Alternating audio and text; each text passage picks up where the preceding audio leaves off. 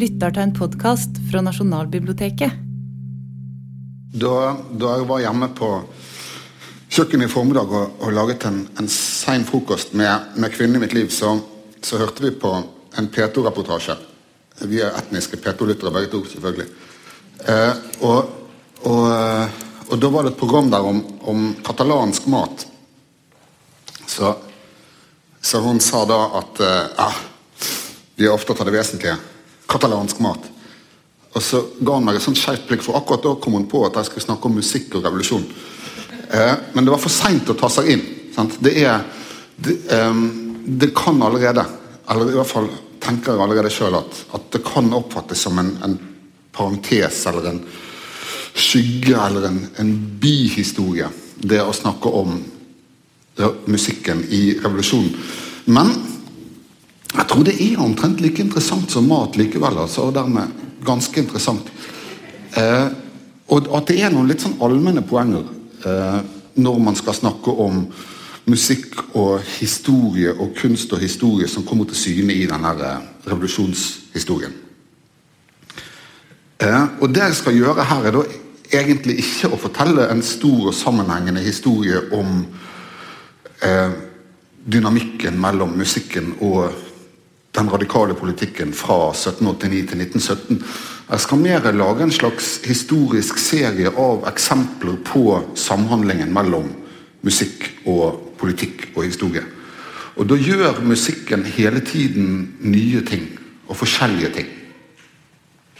Noen eh, har spekulert, og først og fremst da den franske, eller aller mest interessant den franske filosofen og idéhistorikeren Jean Starobinski i en sånn helt praktfull bok om den franske revolusjonen som kom til 200-årsjubileet i 1989.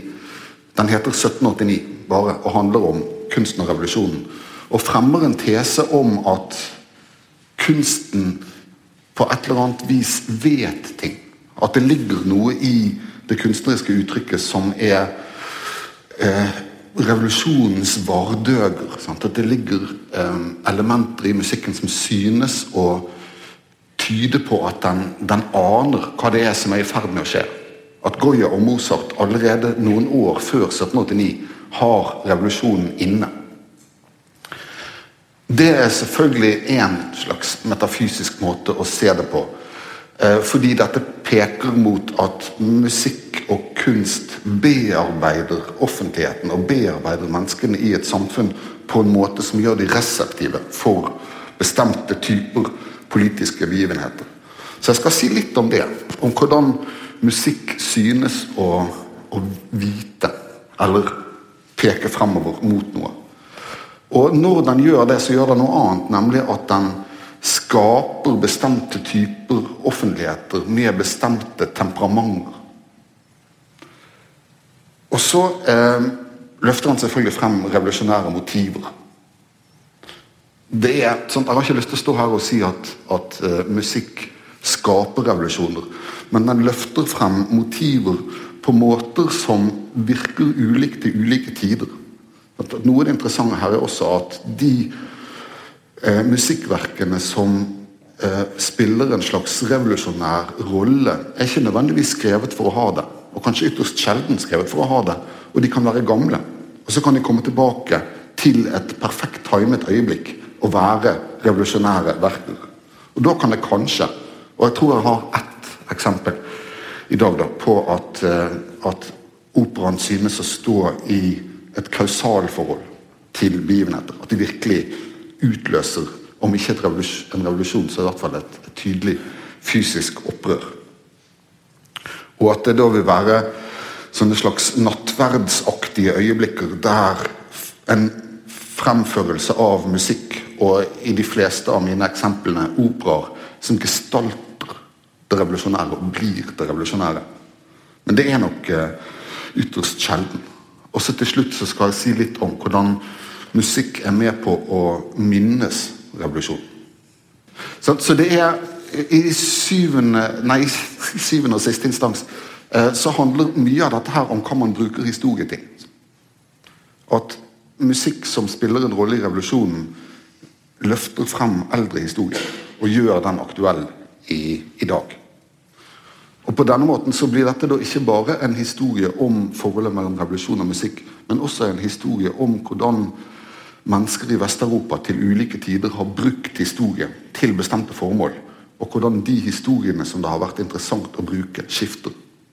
Og Kort utlagt her da, så er det som tre historier som, som spiller med i musikken frem til 1917, da, kanskje. Og det er eh, den nære forhistorien, som noen få operaer skriver. Og så er det europeisk middelalder, som blir populært på 1800-tallet. Og så er det antikken, som 1700-tallet handler om, helt og, og holdent.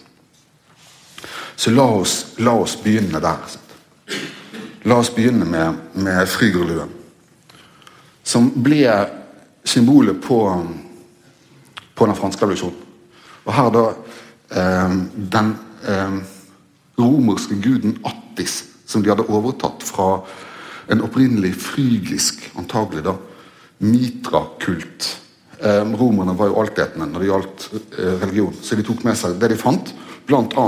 Attis, som hadde frygerlue. Og frygerluen, denne bløte, røde, så nisselueaktige luen, ble da et emblem for revolusjonen. Første gang kjent i 1790. Så den ellers nokså ukjente Anne-Louis Giraudet de Rossy Triosson malte seg sjøl med frygerlue som pur ung revolusjonær her i 1792.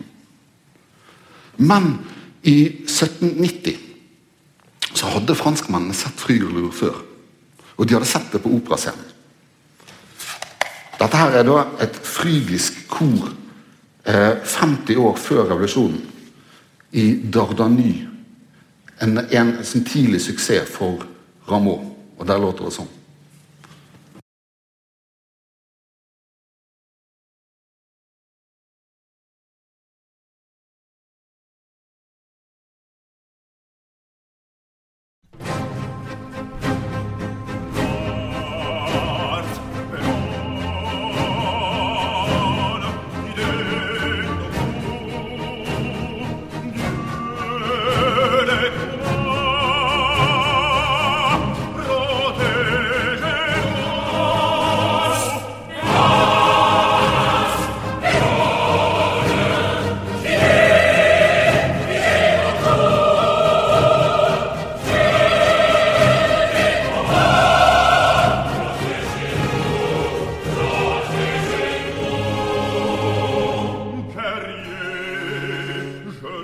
Sånn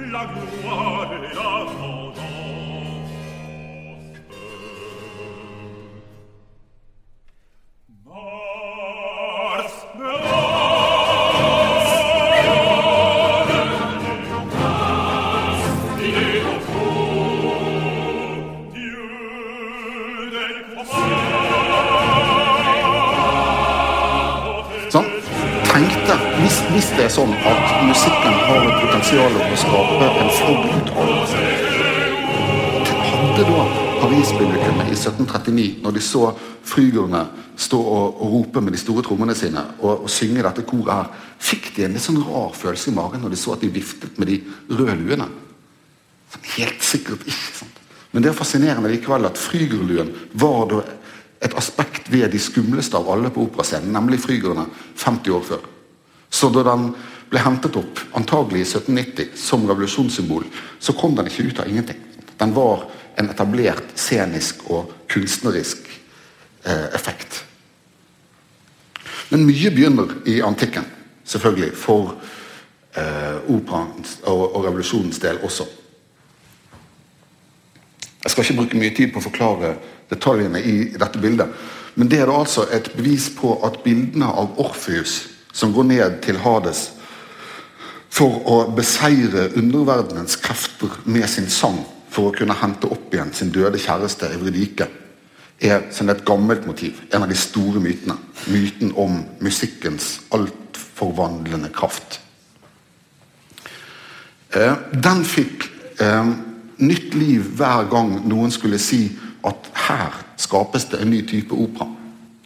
Da Monteverdi lanserte operaen som sjanger, så var det med en gang med Orpheus, som viser at musikken kan beseire alt, og at den store sangeren er den sterkeste av alle. Så Hver gang en ny komponist skulle lansere et nytt operaprogram, så gjorde man det i praksis best med å iscenesette fortellingen om Orpheus. Og Orpheus var jo da typisk en, en bravursanger sånn, som kunne gjøre alt og blende alt og beseire alle. Som var en sånn sangeratlet på scenen frem til 1762. Da lanserte Gluck sin nye opera med Orpheus Euridike, reformoperaen som skulle gjøre noe helt annet. Og I stedet for da en bravur-Orpheus som sprang opp og ned i registrene, så leverte han en liten, svak og engstelig mann med lyre, som sang helt kort når han skulle overtale demonene rundt Hades til å slippe han forbi.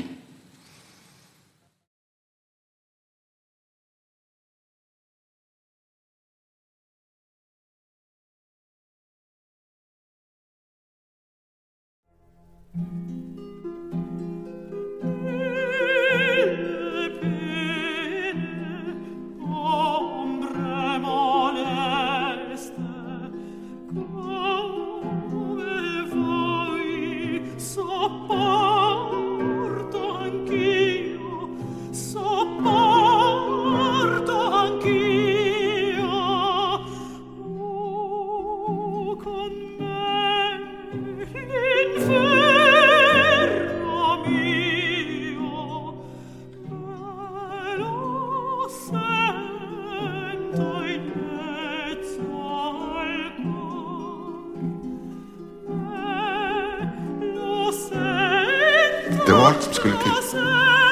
Hadde man holdt på i barokkoperaen i kvarter etter kvarter med Orfeus som står og bruser med fjærene ved inngangen til Hades. Og så kommer han lille til, til Gluck. Eh, og så eh, sier han da noe som liksom ikke har vært sagt på operascenen før. Gjennom barokkoperaens halvannet hundre år frem til dette, som har tjent til å fremheve kongens storhet og maktens evighet. Sant? Og har altså demonstrert prakten i makten. Og Så kommer Orfeus da, så stiller seg foran på scenen med den lille lyren sin og så sier han Jeg vet hvordan dere har det. Husk hvordan det var å være menneske. Sier han til skyggene og demonene i Hades. Jeg føler det samme som dere. Jeg har mistet noe. Dere har mistet eksistensen der oppe. Men minnes kanskje svakt hvordan det var. Komme voi, som dere. Vi er sammen om dette. Og så er det over på 90 minutter. Men det kreves bare dette ene minuttet da, for Orfus. før alle mørkets krefter i Hades bare viker tilbake og sier hva er det vi føler her? Hva er det som foregår? Hvem er denne mannen? Og så forsvinner vi og slipper han inn, og han overvinner alt. Fordi at han kan si vi er i samme båt. Vi er mennesker. La oss føle sammen. Kjenn på hjertet. Og Folk som fortalte om dette etterpå, som de gjorde i brev og anmeldelser, sier at aldri har noen gang gjort så stort Aldri har noe gjort så sterkt inntrykk på meg som dette. Jeg vil aldri mer være det samme mennesket etter at dere har hørt dette. Etter at noen har vært i operahuset og stått på kanten av scenen og sunget 'Vi er den samme'. Føl på hjertene. Hver individer. Og eh, når Gluck gjorde dette, så lanserte han da en, en strategi for å gjøre musikken til en pedagogisk forvandlende kraft, og han gjorde det i tett dialog med pedagogikkens store tenker på den tiden, Rousseau, hans nærmeste venn i Frankrike. La oss forandre menneskene. Kjenn på hvordan det er. Kjenn på meg hjertet. Og denne eh, følsomme offentligheten, der man kjenner på hjertene og er mennesker sammen, er en av de helt basale forutsetningene for den franske revolusjonen. Og Det er ikke det at Gluck og Rousseau laget den, men de er viktige i å bringe den frem. Så dette her er en sånn tidlig figur i den revolusjonære musikken. Etableringen av et, et sterkt og nesten sånn hysterisk følelsesfellesskap. I en tid da troen på musikkens forvandlende kraft er så stor som den aldri har vært siden. Mottakelsen av Gluck sier ikke bare at 'dette forvandler oss for bestandig', men den sier til dels, og dette er et sitat fra Magasin litterær, at Gluck skaper borgere og gjør borgere til helter staten hviler på denne musikken.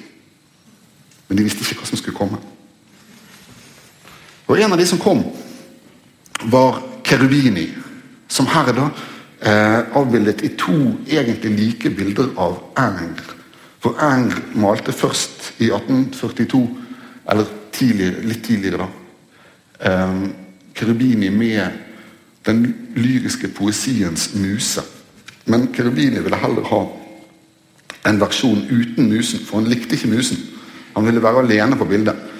Så han fikk laget et han eh, fikk være alene også og tenke mot en sånn ensfarget bakgrunn som det sømmet seg en gammel revolusjonær.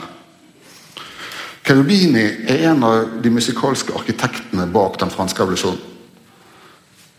Glucks musikk og evnen til å transformere individet og snakke enkelt og naturlig og i pakt med Rousseaus ideer om det opprinnelige språket, nedfelte seg i en systematisk musikkpolitikk fra de franske revolusjonære myndighetenes side. De ville etablere en nasjonal musikk som baserte seg dels på folkets musikk på landet og dels på den borgerlige smaken i byen. Den skulle ikke kunne støte noen fra seg. Den skulle være en sånn syntesemusikk av alt det franske. Og den skulle være laget sånn at den kunne utvikle seg historisk. Den skulle ha fremtiden i seg. Det er en fantastisk tanke. Og de ville normere musikken i et musikkliv som eksploderte plutselig. Sånn at man skulle tro at man i Paris under revolusjonen hadde annet å gjøre enn å lage opera, f.eks. Men det er altså ikke tilfellet. Antallet operaer økte eksponentielt. Det hadde vært regulert hele tiden og holdt nede, og plutselig så puff, skal alle lage operaer, og nye, og de går sammen og lager journalistoperaer om de siste begivenhetene. Og man laget eh, operaer som tematiserte på nytt det som nå ble et enda mer slående motiv i Orpheus og Evredike enn før Nemlig det å lede noen ut av mørket og fangenskapet og opp i lyset. Så Orfeus-myten blir plutselig en opplysningstidsmyte. Og Det kunne man da f.eks. gjøre som Kerubini eh, med Lodoiska, sånn der eh, polsk melodrama som han da skrev i 1791. Eh, og som handler om en, en grusom adelsmann selvfølgelig, som har en stor borg der han sperrer inne unge piker i dette tilfellet Lodoiska. Men så kommer da rebellene og, og river ned borgen hans og, og, redder damen. Og dette her hørte de på, det. så dette ble satt opp. Parisoperaen 1791. Og slutten, en del av slutten låter sånn som dette her. Det er slagtommelen. Det er historien som raser forbi. De angriper borgen, de lager et stort hull i muren. Det er eh, tartarer og kosakker og, og slemme polakker overalt. Eh, og det bråker og bråker, men midt i så er det da disse menneskene som, som har en, en, følelsesopplevelse. De kjenner litt på det midt i, i slaget.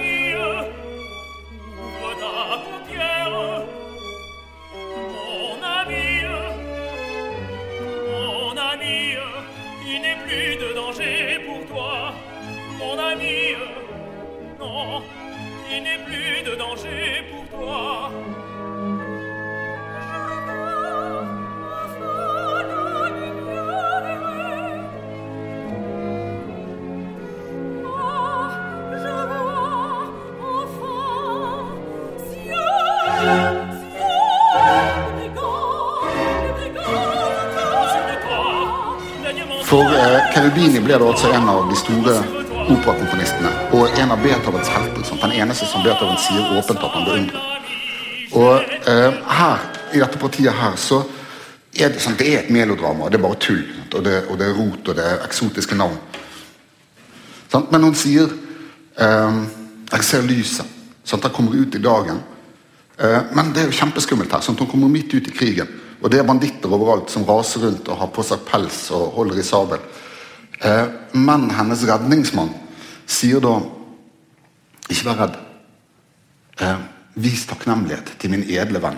Og Det er da en av lederne for bandittene. Men eh, det han forteller henne, er at mengden er din venn. Du blir satt fri av mengden. De redder deg ut av fangenskapet. Du ser lyset. Du kan tro på dagen igjen. Så det er på et vis en sånn slags komprimert Orpheus eh, fortelling likevel, sant, som handler om å føre ut av fangenskapet opp i lyset. Men det er 1791. Denne betyr noe, noe helt annet. Det er ikke en intern fortelling om operaen lenger. Så frigjøringsoperaen blir en av de store revolusjonære sjangrene også. Sant? Den mest berømte er, er Beethovens Fidelio. Men Cherubini har da fordelen i forhold til Beethoven på at han er midt i han er midt i slagtommen. Et annet motiv. Et annet revolusjonært motiv. Dette er da gjennombruddsverket til revolusjonens store maler Jacques-Louis David. Antiochus og Stratonis, som er en, eh, en myte fra Plutark da, om eh, en makedonsk begivenhet. Sånn, dette er Antiochus. Han ligger i sengen, han er kjempesyk. Eh, bak i skyggene står hans far. Og i lyset står hans fars forlovede, Stratonis. Antiokus elsker Stratonis, men han kan ikke si det, for hun er i ferd med å bli hans stemor. Så han kan ikke si noe, og han sykner hen. Til tross for at du kan se på dette bildet at han er ytterst veltrent, så blir han jo sykere og sykere. Og, og faren eh, skjønner ingenting, sant? og han kan ikke si det til faren heller, at han elsker din forlovede. Men til slutt så, så griper en klok rådgiver inn her sant? og peker ut problemet. Sånn at faren kan bli en god far og si til sønnen 'ta dame'. Men så lenge han ikke kan si dette, så er faren en dårlig far. Og dette eh, motivet med den dårlige far er da også et av revolusjonens sentrale motiver. Lynn Hunt har skrevet om dette her i 'The Family Romance of the French Revolution'. Om hvordan kunsten til stadighet iscenesetter dette tilsynelatende psyko psykoanalytiske dilemmaet med den dysfunksjonelle far. Altså da enkelt overført kongen i Frankrike på den tiden. Som du ikke kan snakke til, som du ikke kan fortelle hva problemet er. Men faren til Antiokus er da klokere enn Ludvig den 16. Han sier dam. Men den som brukte denne myten og gjennombruddsverket til David var en annen av disse musikalske arkitektene, med Hyll, som skrev operaen 'Antiokus og Stratonis' og utframførte den i 1792. Og Vi skal høre da en del av den scenen som der um, Antiokus forteller om sine problemer til publikum. Han forteller om hvor forferdelig det er å ikke kunne snakke, ikke kunne ta del i et fellesskap. At han blir henvist til mørket og ensomheten og dør fordi han ikke kan være en del av vil man da ha tenkt i 1792 en fungerende politisk offentlighet.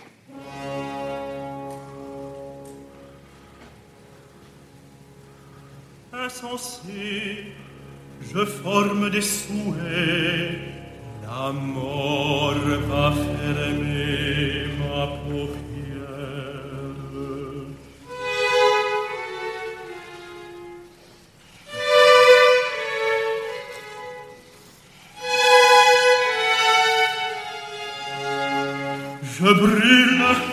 Je languis, je me vois consumé, je meurs pour un objet que je n'ose nommer.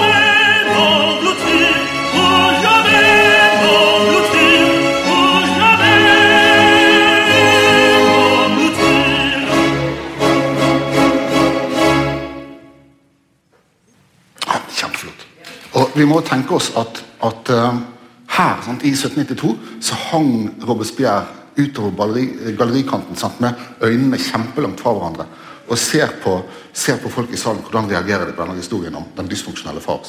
Kongen er i fengsel. Um, hva gjør dette? her. Hva er dette? Det er alternativene som revolusjonen stiller opp, helt klart og tydelig. Far styrer, sønnen alene i mørket, vil død fordi han ikke kan snakke. Alternativet er da rydde opp i problemet med far, tre inn i fellesskapet, tre inn i lyset, velg livet, snakk. Og musikken er da sånn dypt fascinerende her. Sant? Komponert veldig etter mønster av Gluck. Den er en slags blåkopi av den store monologen i Glucks Armid med treblåserne som kommer inn når det blir alvor. Eh, Men den er ellers liksom helt uten omstendigheter. Sant? Den er parallellen til bildene til David. De sene bildene til David. Revolusjonsikonen liksom, som hviler på at det ikke fins omstendigheter. Det er bare du og begivenheten. Det er du og Marat. Bildet ville vært ødelagt hvis det var noe på veggen. Noe annet enn opplysningens lys som faller over den døde Marat som dør på kontoret. Der han hadde badekar, vet jeg. Um, Pga. en hudsykdom som man ikke kan se på bildet. Pussig nok. Men, eh, men sant, omstendighetsløsheten, valgets absolutte betydning. Du må velge. Du må snakke. Du må snakke med noen. Du må bli kvitt din far. Og det ble det jo. Den neste store forestillingen, og hvis vi er vulgære her, er jo da den lille scenen på Revolusjonsplassen 21.1.1793. Foreviget her med et bilde som iscenesetter den samme sånn revolusjonære tidsflyten som preger så mye av den omliggende musikken. Sant? At man kan hente opp og man kan gå inn og ut av tider. Teksten på bildet her er da altså datoen for henrettelsen. Louis Capet dør 21.1.1793. Og så er bildet presentert for Nasjonalkonventet den 30. Germinal. Altså i den republikanske tidsregningen som trådte i kraft etter henrettelsen av Ludvig den 16. Eh, Så vi vet da at dette bildet ble overlevert konventet i det vi ville sagt var april 1794. Men sant? Fremtiden, offentligheten, berørtheten, valget, scenen. Det er så mye av dette som er foregrepet, og som er en sånn ferdig rigget offentlighet for akkurat dette. Og Vi kan koste på oss å, å se på den siste av eh, de musikalske arkitektene også. Eh, belgieren, eller valloneren på dette tidspunktet, Francois Joseph Gossec. Med Hyll, eh, Cherubini og Gossec ledet sammen Paris-konservatoriet, som skulle iverksette denne revolusjonære musikken.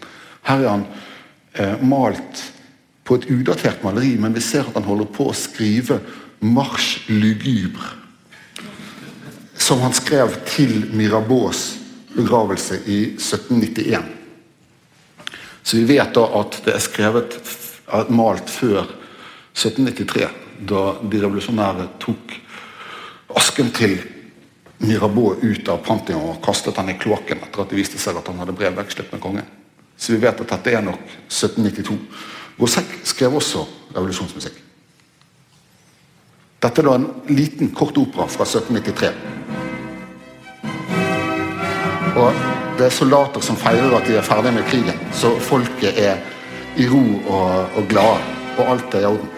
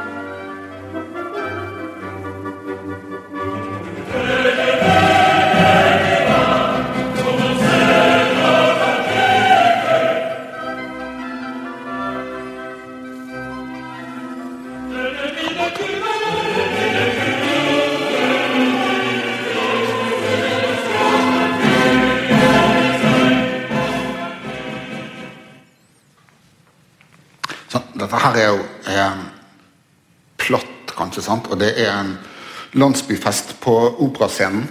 Men Frankrike er altså i krig. Sant? Det fremstiller krig, de feirer freden. Eh, det vi nå kaller de franske revolusjonskrigene, som varte i ti år, fra 1792 til 1802, er i full gang. Så det raser rundt dem. De har akkurat vunnet franskmennene en stor seier over Prøysen og Østerrike ved Valmy i september 1792. Så denne eh, lille operaen snakker direkte med det i litt sånn komediens blide språk. Eh, men den her linjen om at eh, tyrannenes fiender synger nå Det er klart de har en egen klang på stemmen i Frankrike. De har akkurat drept kongen. Så det er sånn, det er, sånn, det jeg, jeg vil ikke si at det er blodig alvor, men det er, sånn, det er forferdelige ting som skjer. Og operaen blir jo her da en sånn slags eh, et, et hvileskjær i revolusjonen. Tyrannenes fiender synger. Og så er det en halvtimes dansenummer etterpå der man feirer freden. Men man har altså syv år igjen av krigen, og man har løst den dårlige farens problem. Da skal jeg straks forlate den franske revolusjonen, altså. Eh, bare peke på akkurat dette lille bildet som jeg skal komme tilbake til, som viser karmelittersøstrene fra Nord-Frankrike, Compiègne, som var en av de sånn helt skandaløse henrettelsene under terroren, med 16 karmelitternonner som ble oppfattet som særlig hellige, eh, som nektet å underkaste seg den nye lovgivningen og eh, underlegge seg staten og forlate klosteret. Så de ble henrettet i, hentet til Paris og henrettet offentlig, alle 16, én etter én. Som eh, vakte da særlig bestyrtelse både i den franske opposisjonen og i utlandet. Men vi skal gå videre. Nå er det andre revolusjoner det er snakk om. Eh, og dette her er da den som, eh, operaen som er blitt tilskrevet den aller sterkeste kausalforbindelsen til en revolusjon. Så I 1830 så var det jo da den store julirevolusjonen i Frankrike. Og man beseiret det reaksjonære regimet til Karl 10., som var i gang med å skru historien tilbake til tiden før 1789. Og man fikk inn Louis Philippe, borgerkongen. Eh, store opptøyer, stor bestyrtelse rundt omkring i Europa. Eh, men da altså en opprettholdelse av den franske revolusjonens momentum. Adelen skulle likevel ikke ha erstatning, og prestene skulle likevel ikke inn i skolene, som Karl 10. ville hatt det til.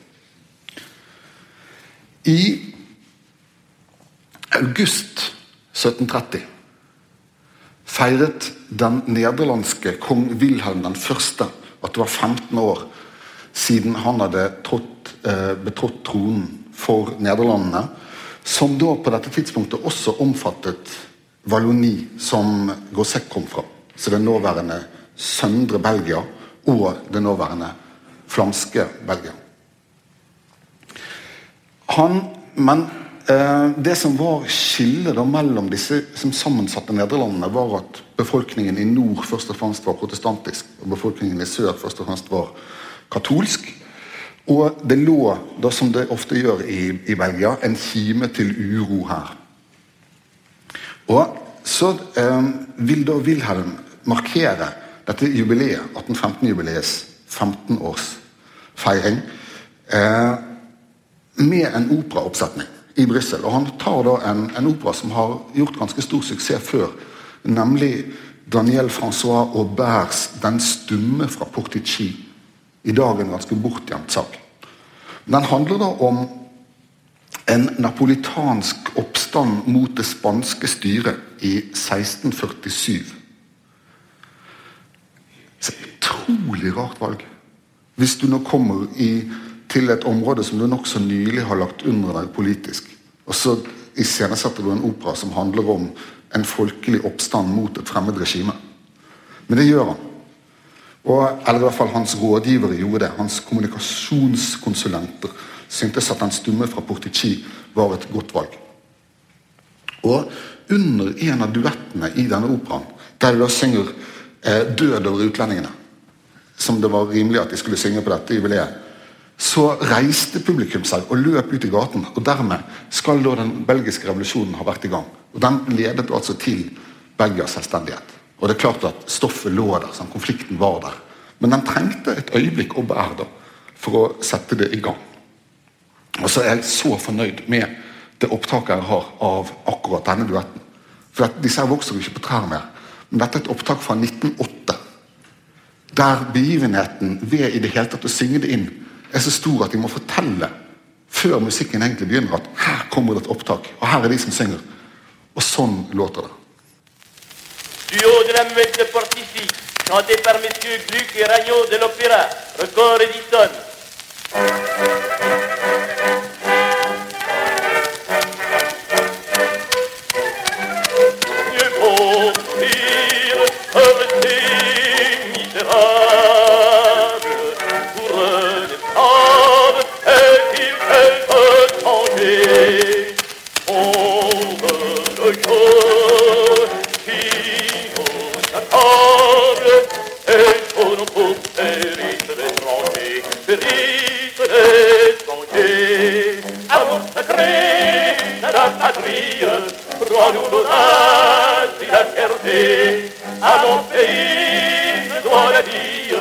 il me devra la liberté. Amour sacré,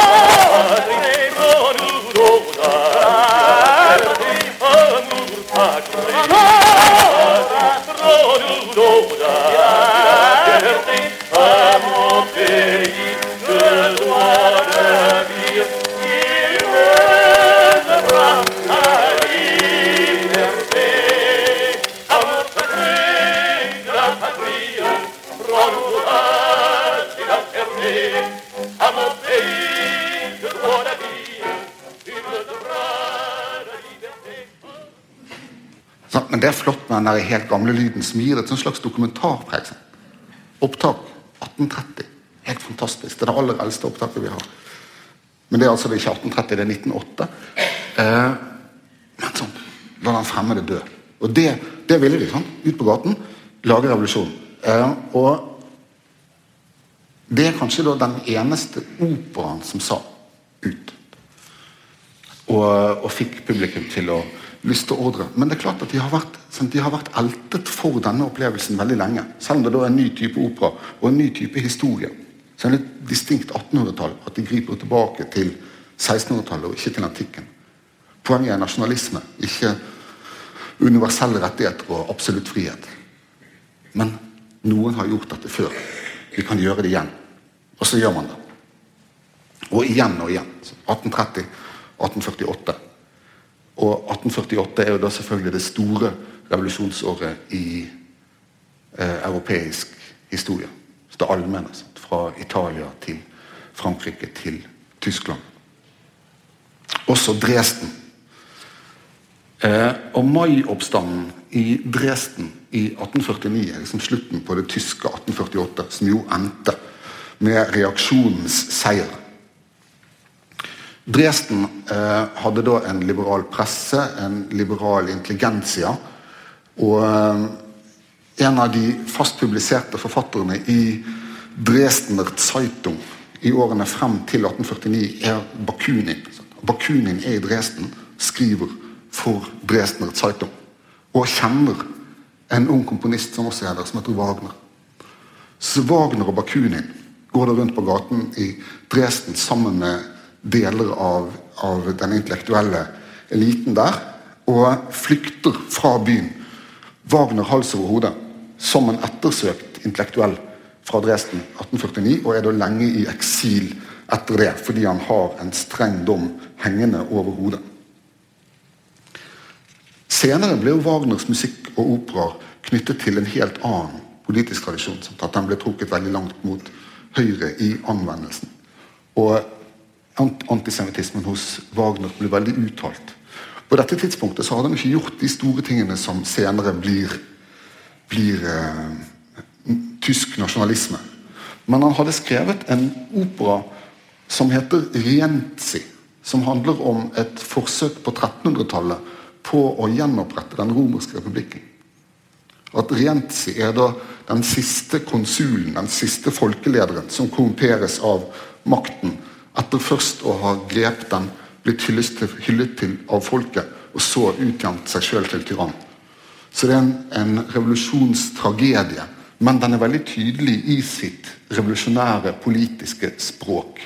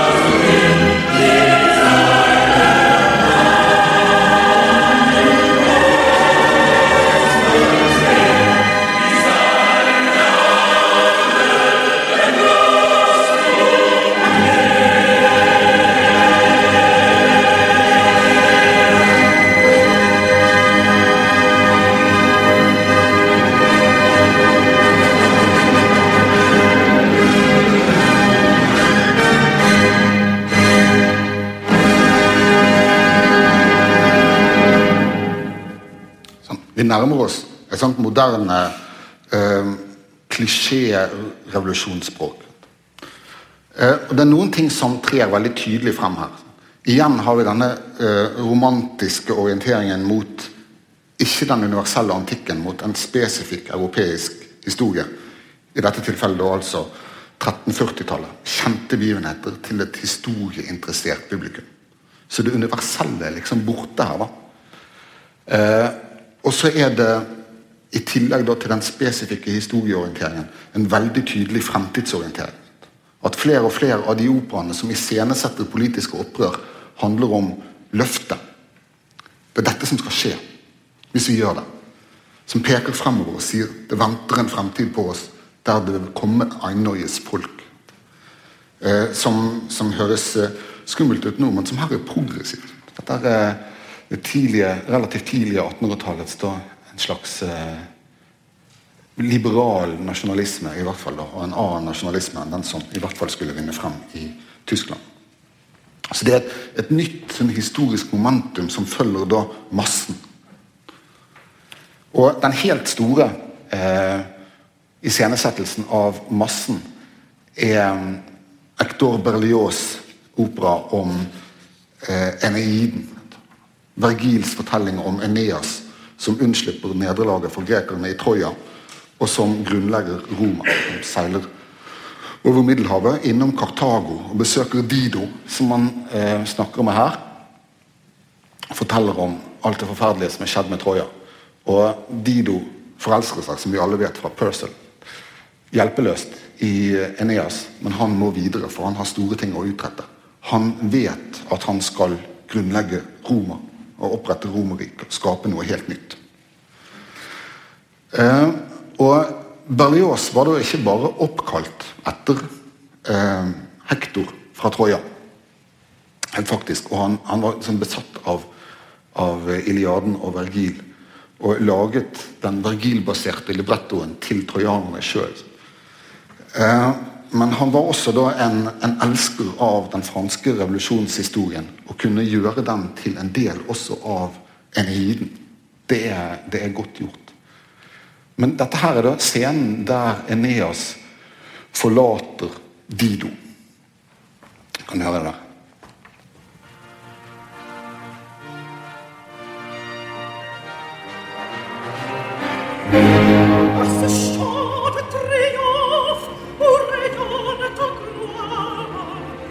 te voir tressaillir, tu t'en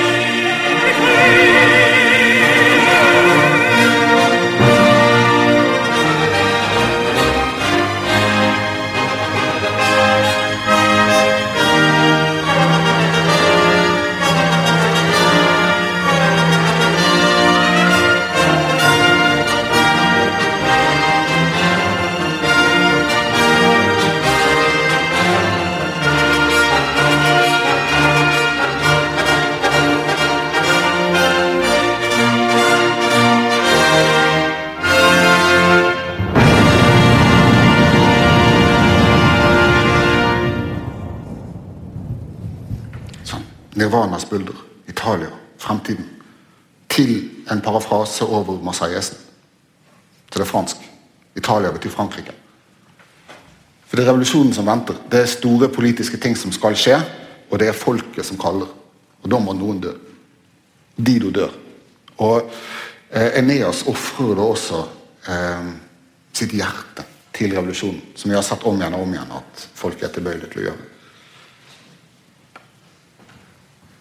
Og de gjør det igjen. Sant? Nå er vi liksom ved, ved det annonserte temaet for dette foredraget. Nemlig den russiske revolusjonen. Men sånn, her er den målet. Sant? Nå er det Norge kommet her. Nå har vi vært igjennom revolusjonens musikkhistorie, og kanskje i hvert fall de revolusjonæres musikkbruk. Eh, til den russiske revolusjonen har jeg da valgt ut et verk som ble skrevet til tiårsjubileet av den den gangen 21 år gamle Sjostakovitsj. Det høres sånn ut. Det er et mus lite musikkeksempel her.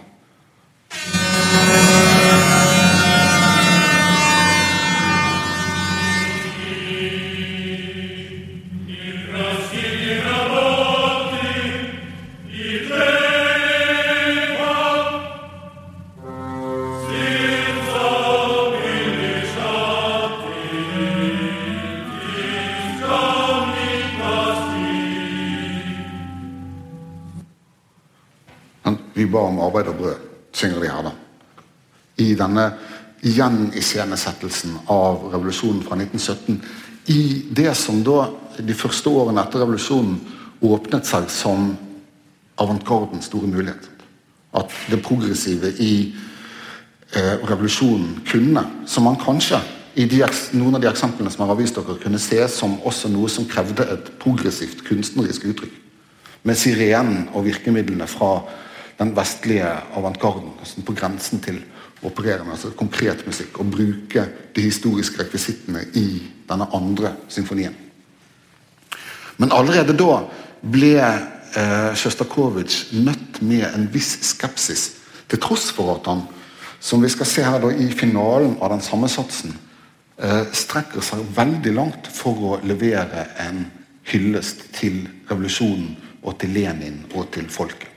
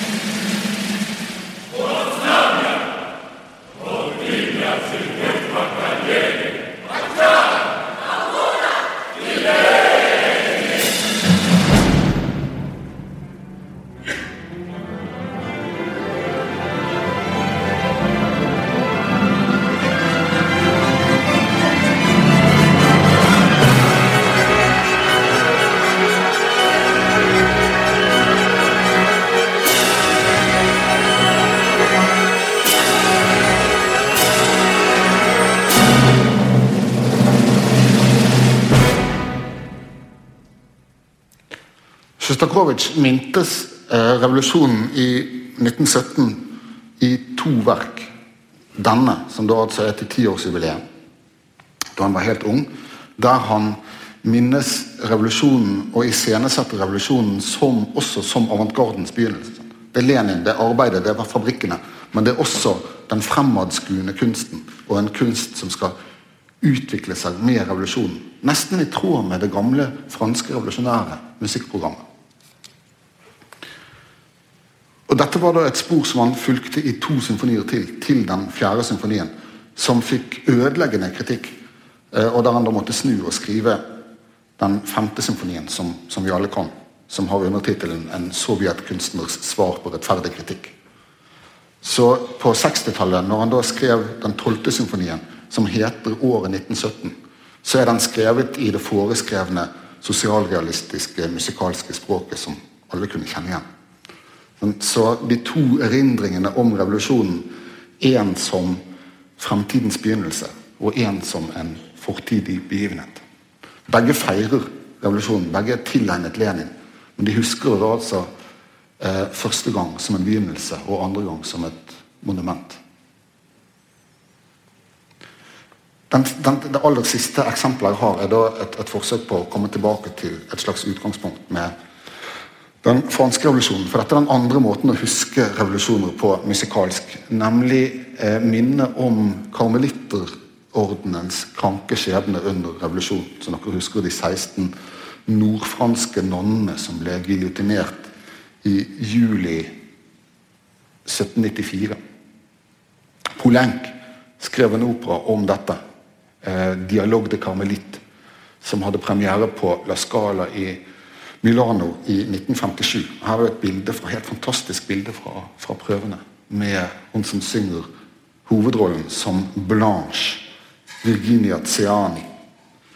Og dette er da eh, katolikkenes eh, sørgemonument.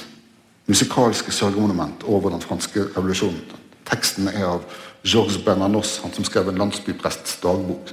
Dypt troende, vemodig, melankolsk katolikk til da det litt plagede smokingblikket til Poulenc her. Og det minnes da karmelitterordenen ekstremt grafisk ved at operaen slutter med ordenen. Men kanskje det mest dramatiske sluttkoret som noen opera har hatt.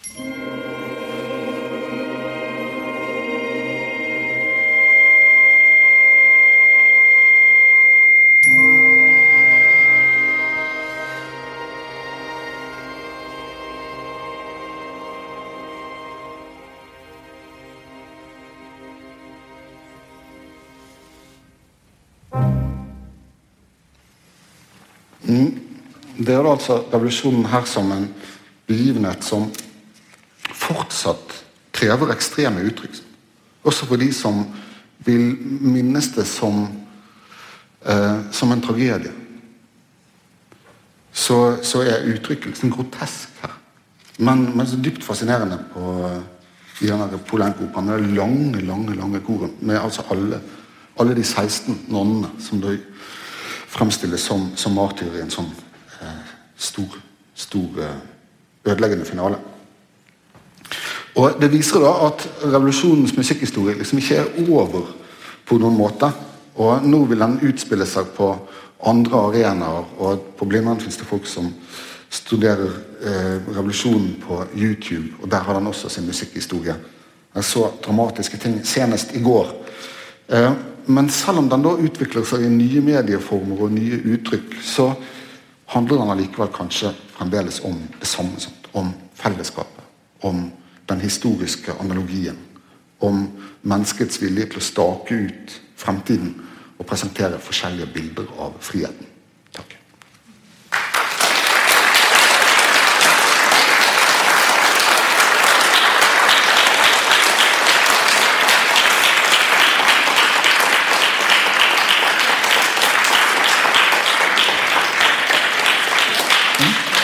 Ja, hvis, det er noen som har spørsmål, eh, så, kan jeg, eh, så kan jeg gå hjem og slå opp svarene. Eh, nei, hvis det er noen som har spørsmål, så, så kan jeg ta imot dem. Altså, eller kommentarer, selvfølgelig. Enkle spørsmål. Det var på slutten av første epoke med den franske eh, revolusjonen.